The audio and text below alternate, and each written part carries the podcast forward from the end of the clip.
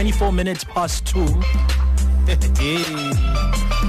Hi le engiyibonayo namhlanje nesizokhuluma ngayo kwi employee of the week. Hayi ngihlaba umxhwele ngenye indlela. Okay so emasontweni eh, kusukela nje kuqale unyaka kaZibandlela uDecember besinomnumzana uGraham Sabela eh ezositshela ngeindlela ezahlukahlukene zokuthi silungiselele emsebenzini noma umsebenzi noma amathuba emsebenzi nokuthi siqasheke nokusitshela nje ukuthi kwesinye isikhathi iziphi ezinye izinto ezisilelayo ezenza ekutheni sigcine singasakwazanga ukuwina kuma interviews noma ukuthola leyo msebenzi esisuke kade si applyela mnumzane Sabela happy new year sawubona.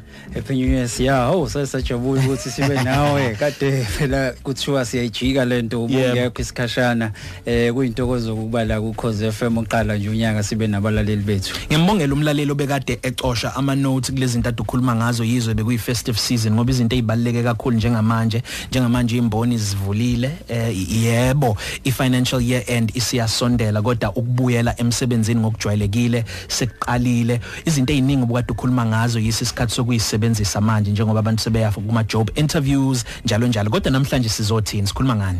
Eh impela siya eh abalaleli ke baba ready manje kuma boardroom phela emsebenzini kwenziwe planning kufunakala abasebenzi thina as ama recruiters mm. eh sibhizi manje siya recruiter ziningi izinto esifisa ukukhuluma ngazo namhlanje eh besizokhuluma ngama verification of qualifications ama criminal record uthi ama factor kanjani umlaleli. Kodwa enkulu kakhulu besifisa ukuthi sikhulume nangayo mhm. ilento esiyibiza siya ngokuthi i personology profile. Um where umsebenzi could get iprofile yakhe yenziwe based kubuso bakhe. Mawubheka ubuso bakhe umlaleli kuzokutshela ama abilities ukumbe izini izinto umlaleli angazenza career wise. Okay. Eh iziphi umlaleli izinto angazenza eh ngokungibuka nje ebusweni. ukubuka nje ngimnyama nginjena ebusweni ukuthi indlebe yakho indicate ukuthi ungumuntu kanjani eh sinensizwa ke sencane esisebenza nayo la e GeForce Employment Solutions eh ulwazi mchunu oyi personologist eh ekuyena ke uqine kakhulu kulomkhakha lo ma personology ngihamba naye namhlanje Macingwane sawubona. Mvoka Njomani ngikubingelele bhuti nabalaleli bakho Khosini FM Personologist yini leyo uyayifundela noma isiphiwo? Osiphiwe uNkulunkulu wadinga mhlawumbe uyothwasa uyilungiselela ngokukamoya. Yini leyo? No ipersonalogy mfoka njomane uyayifundela? It is actually a, a science or an art esetshenziswa in first world countries emazweni kakhulu lawa phesheya. Mhm. ukuthola ubuciko bomuntu ukuthi kahle kahle usiyamhlongo ingqondo yakhe ihlakanipheleni uthatha kanjani? Eh imiphi imkhakha edinga amakhono akhe?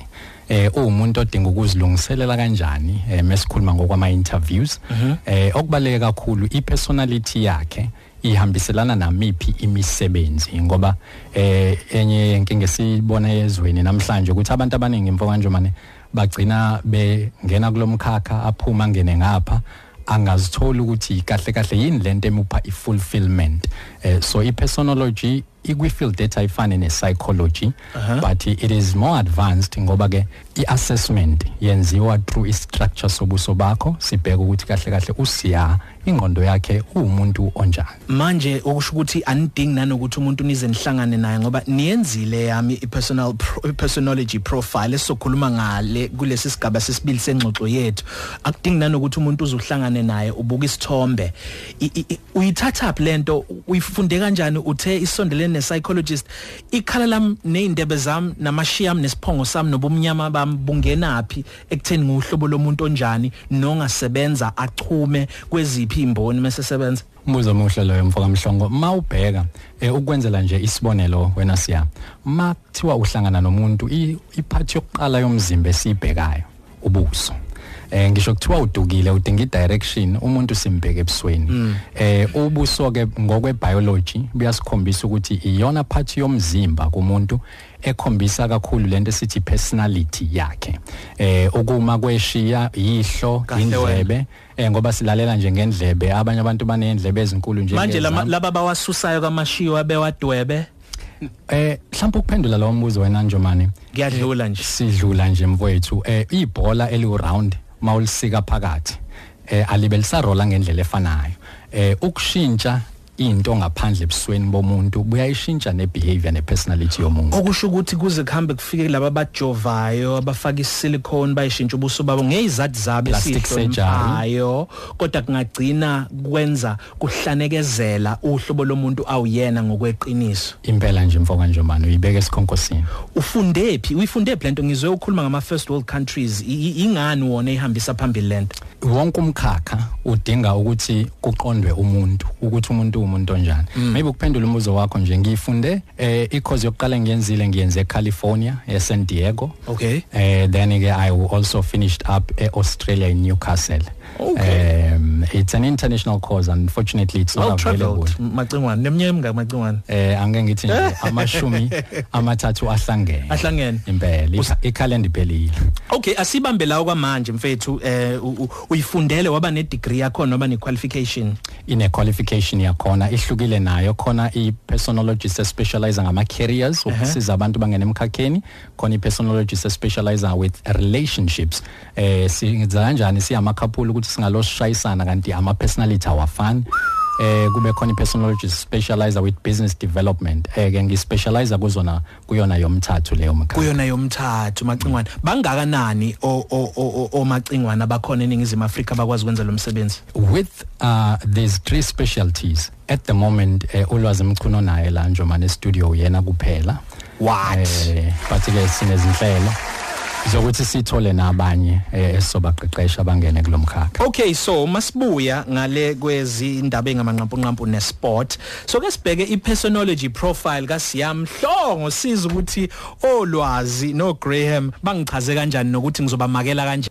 Kunodokotela osekloof engake macingwane kwathiwa angihambisa uma kuyena ephethwe isifuba lo dokotela ebuka amehlo. Tadisha nje kuphela amehlo bese yakutshela ukuthi konakalephi emzimbeni nebala wakwazi ukuthi ayisho into uma eyayimphethe eh omunye uza kwethi sasebenza naye komunye umsakazo uDon Chris Smith wenze i-degree wayiqeda yena ubuka ama fingerprint ufika uqhamuke eh, uzobe kodwa wena izandla isandla sonke ama print esandla sonke sikwesokudla nesokhohlo ebese yayitshela ngepersonality.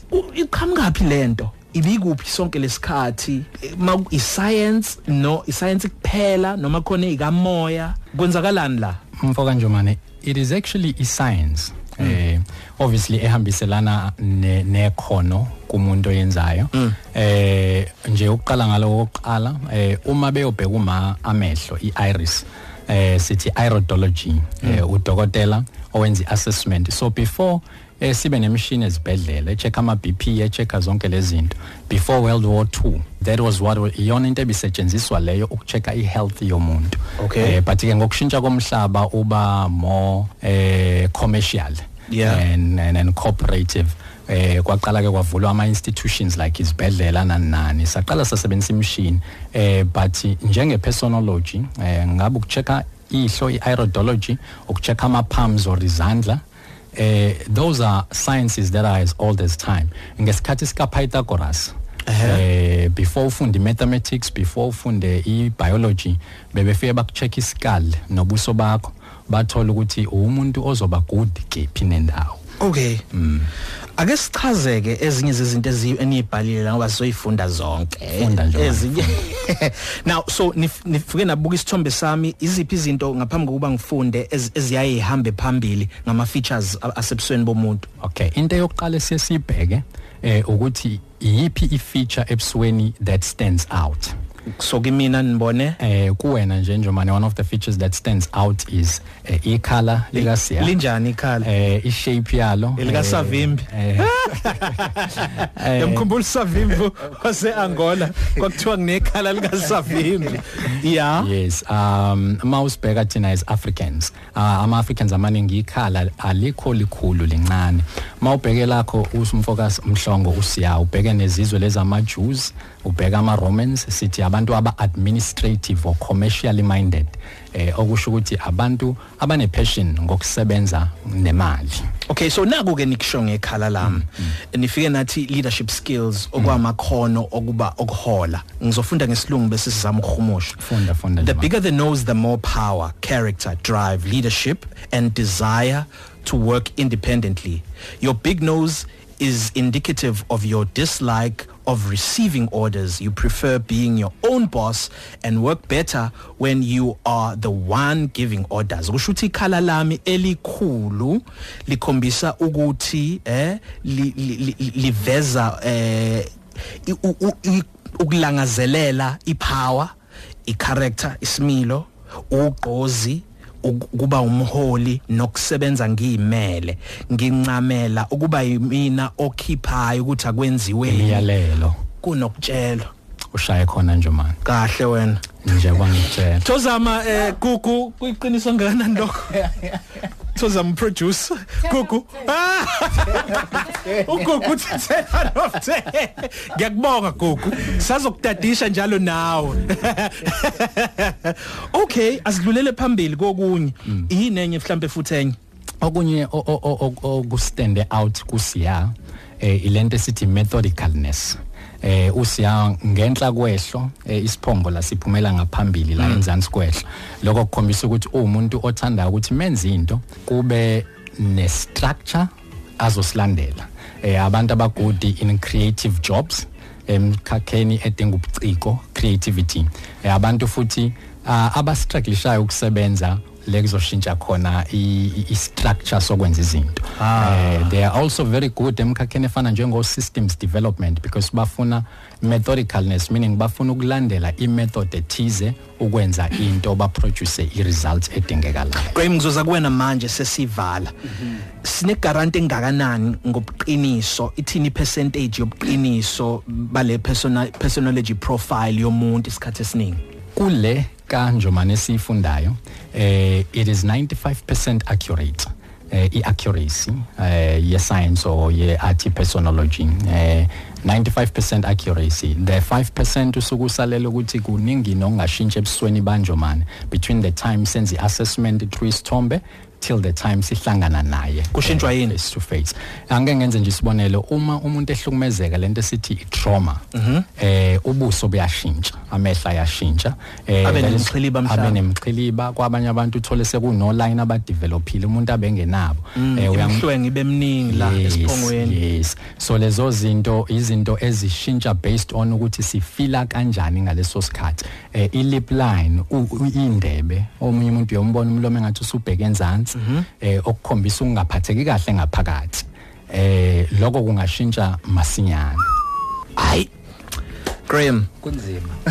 fourth industrial revolution. Ngabe ezinye zezinto ezizohamba phambili yini le ekukhuthazeni abantu? Okokuqala nje uma esemncane kumkhuthaza ukuthi akangene kumuphi umkhakha noma mase kufinyelela esigabeni sokuthi siyamthatha noma simthathini emva kwe-interview? Siya siphakathi impela manje kwi fourth industrial revolution. Ezinye zezinto lezi ulwazi ayichazayo.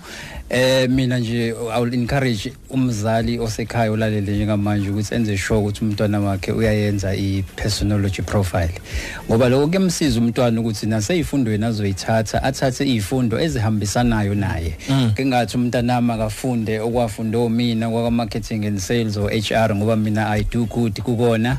Eh u uniquely made waphiwa akakwazi ukuthi abe umina akakwazi ukuthi abe copy yami even though sifana. Uzokwazi naye ukuthi azikhethele umkhakha wakhe. Thina ke njengama recruiters siyayisebenzisa kakhulu i personality profile ngoba kuyasiza ukuthi sosebenza kanjani no siya siyamazi usiya uthanda ukuthi azilawule that means ukuthi he needs less management. Kufanele ngimthembe kumsebenzi awenzayo uzokwazi ukuyimanage uzokwazi ukuthi ayifinish i-task because he's built to be in that manner.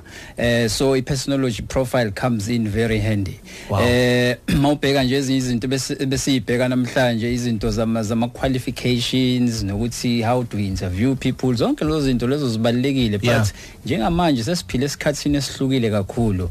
Eh ekungangokuthi umlaleli akasakwazi manje ukuthi afake ama qualifications akhe athi nanku G4 nginane nginayo ngoba sizomfaka ku personology profile. Sisuke ku pros- personology profile senze i PXT assessment esinika beyond osinike kona wena kwi CV nositshele kona mase interview sikwazi ukubona ngale kwakho. So kubalekile manje ukuthi umuntu abe ready. That is why ngempela e- e G-Force masithi let's do a job readiness program nabalaleli. Ingoba ngempela ngempela siyafisa ukuthi eh sibanike le information sibenze bazilungiselele ukuze sibe nabantu that are needed emsebenzini njengamanje. Abantu abazilungiselela abantu abazofika nama solutions kuyona yonke imisebenzi esinayo eh njengamanje. Ulwazi mchunu njenge personologist uyiyona yodwa eyaleli khono nemfundo agogode kuyona eningizimu Afrika. Siyabonga kakhulu macingwani kakhulukazi ngokusinikeza fast forward ngoba iskill le noma yinto ekwi first world emazweni ama first world. Thina si third world emerging second world. Siyabonga kakhulu. Utholakala kuphi mfowethu? Abalaleli eh ngibonge siyakumhlongo abalaleli benga benga emaila ku info@lwazimchunu.co.za ngiphinde info@lwazimchunu.co.za bangaphinde basithinte ku 074 659 7972 ukucacisa nje umzala kadinga ukuletha umntwana. Umuntu uthume siyakumeqeda ukusithinta siyamsendela ama sample pictures ukuthi amshuthe kanjani umntwana wakhe ukuze simenzele iassessment yakhe. Nayo uyithola digitally okushuthi awudingi nokuza kuthina because eh, i demand ye profile iningi siphindele inombolo yocingo 074 659 7972 ku G4 Employment Solutions uh, Mr Sabela eh, eyakho imininingwane Sicela nje umlaleli asithinte ubhale imininingwane yakho nendawo ovela kuyo uthi info@gforcesolutions.org.za info@gforcesolutions.org.za usilandele ku Instagram @gforceemployment eh umlaleli ke siyokwazi ukuthi simthinte ama recruiters wethu eh aya engage abalaleli. Baningi kakhulu siya abalaleli abasithintile. Sine program nje ka 3000 wabalaleli esibiza ngokhozi FM la sifisa khona ukuthi sibuye sizokhuluma nawe sikutshela success rates nokuthi baqashwe kanjani bonke labalaleli. Bafethu siyabonga kakhulu. Siyabonga siyabonga sibonge nje manje ilunch yakho ayifani neyizolo